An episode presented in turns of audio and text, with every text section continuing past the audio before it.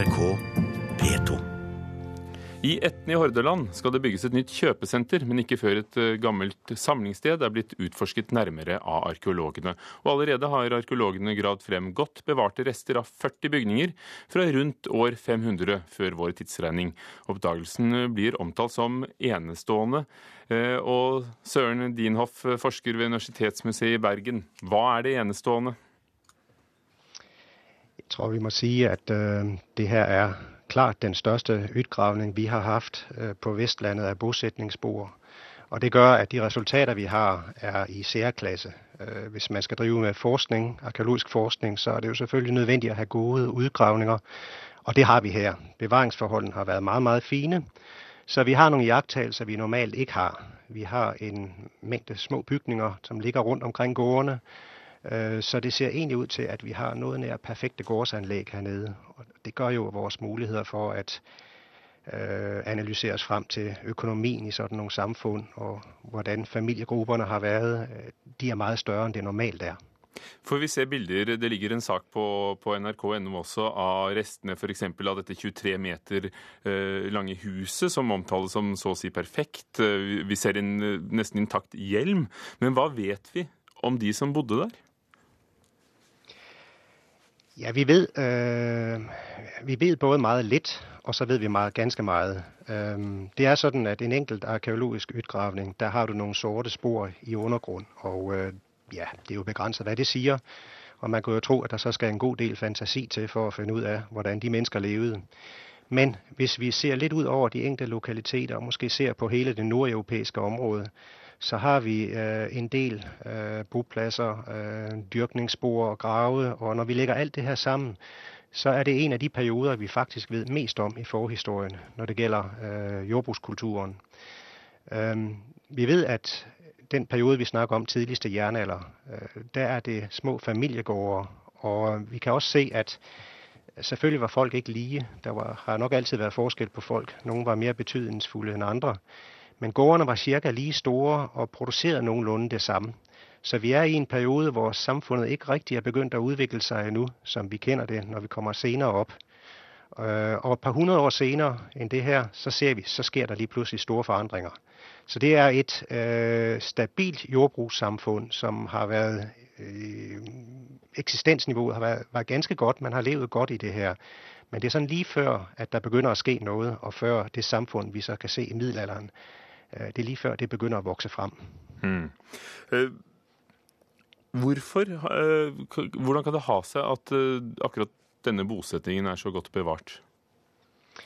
Ja, det er jo egentlig ejendommeligt, fordi da sagen kom til os for et par år siden, øh, der havde fylkesarkeologerne været nede og lavet det, vi kalder en registreringsundersøgelse, og der var der påvist spor dernede, men øh, i schakterne, de havde lagt ud, der kunne man se også, at øh, den tyske lejr, der lå her under 2. verdenskrig, at den havde sat sine spor. Så vi var noget bekymrede for, hvor meget der ville, have, der ville være overlevet dernede fra tyskernes forstyrrelser. Men på forunderlig vis, så har øh, de tyske barakker har stort set ikke beskadiget et eneste hus. Og øh, så er området nok ikke blevet, det er ikke blevet øh, pløjet så dybt. Øh, formodentlig har der ikke rigtig været dyrket korn på det. Vi ser næsten ingen forstyrrelser i undergrund.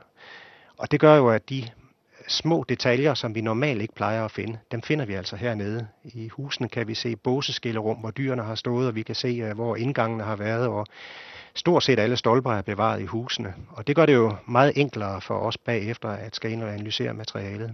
Og som du beskriver, øh, så levde de altså i et jordbrukssamfunn, de hadde omtrent like store gårder. Det høres jo ganske fredelig og fordragelig ut, men like før kulturen forandrer seg, hva skjedde med dem etterpå? Eller med oss som bodde her? Ja, altså ting forandrer sig, og øh, må, måske, man kan godt lide at komme med sådan kriseteorier i øh, forandringsperioder. En, for, en, en krise er også muligheder, nye muligheder for at udvikle samfundet, og det er vel egentlig det, der sker. Øhm, man har et stabilt jordbrugssamfund, som hviler i sig selv, øh, og forandringerne er måske ikke så små i perioden i sen bronze eller tidlig jernalder. Men så begynder der jo at ske noget nede i Nordeuropa. Romerne begynder at trække op nordpå, og det betyder, at germanske stammer begynder at samle sig for at gøre modstand. Og det fører jo i første omgang til militære konflikter, men det fører også til handelsmuligheder. Og øh, romerske garnisoner, der så blev stationeret hen over Europa, vi regner med, at der mindst har stået 100.000 soldater og vogtet riget op mod nord, De trængte råmaterialer, de trængte, trængte øh, kød, øh, skind, læder, og det var jo ting, som man for eksempel i Norge kunne producere. Så pludselig bliver man en del af en stor kulturel sfære, hvor man kan afsætte sine produkter. Og så ser vi, at der sker forandringer. Man begynder at producere for at afsætte varerne sydpå, og det betyder rigdom, og det betyder udvikling, og det betyder, at mere komplekse samfundsstrukturer de vokser frem, hvor nogle bønder bliver lidt mere betydningsfulde end andre, og det er dem, der med tiden bliver til småkonger, og Men så kører her, løbet op mod dem. Og her i Etne ja. ser vi altså de sidste rest av, av det jordbrukssamfunnet som kom før dette mer komplekse samfunnet med småkongene. Paradokset er jo at nå skal jo det bygges et kjøpesenter her. Det er derfor dere gravde, men det er også fordi det skal da bygges noe her. Hva skjer med funnene? Der er to måder man kan bevare ting i Norge på. Det ene er at man værner det, og så får det ligge under øh, bakken. Øh, og der er nogle, øh, nogle regler for, hvor meget man skal forsøge at værne. Men selvfølgelig, hvis det er politikken, så bliver det jo umuligt at leve i øh, Norge i dag, fordi øh, vi er jo i et samfund, der trods alt skal udvikle sig. Øh, det man så siger er, at godt, hvis vi må frigive nogle ting, øh, hvis der må bygges her, så skal vi i hvert fald sørge for, at de værdier, kulturværdier, der ligger, at de bliver sikret på bedst mulig måde, så man kan bruge det til at forske i og til at formidle i, øh, skrive historier og artikler om, og det er så derfor, vi gennemfører udgravninger. Når vi så er færdige med udgravningen, så er, du kan sige, en arkeologisk udgravning er egentlig en destruktion. Når vi graver tingene op, så er der ikke flere muligheder for at gå tilbage og se på det. Øh, og det er jo så det, det koster, at øh, oldtidsmænderne, kulturmænderne, de går til på den her måde. Men vi får viden frem om dem. Og hvad skal vi med en fortid, hvis ikke vi ved, hvad det drejer sig om? Så derfor er vi jo nødt til at hele tiden at have en aktiv øh, forsknings- og udgravningspolitik. Men vil dere flytte gjenstandene? Blir gjenstandene flyttet?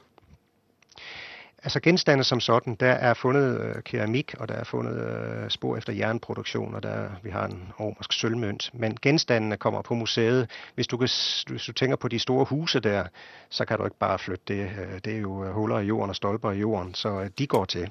Men vi øh, dokumenterer den på, på bedste vis, og så er det jo vores opgave at prøve at formidle det bagefter, så får folk får noget igen.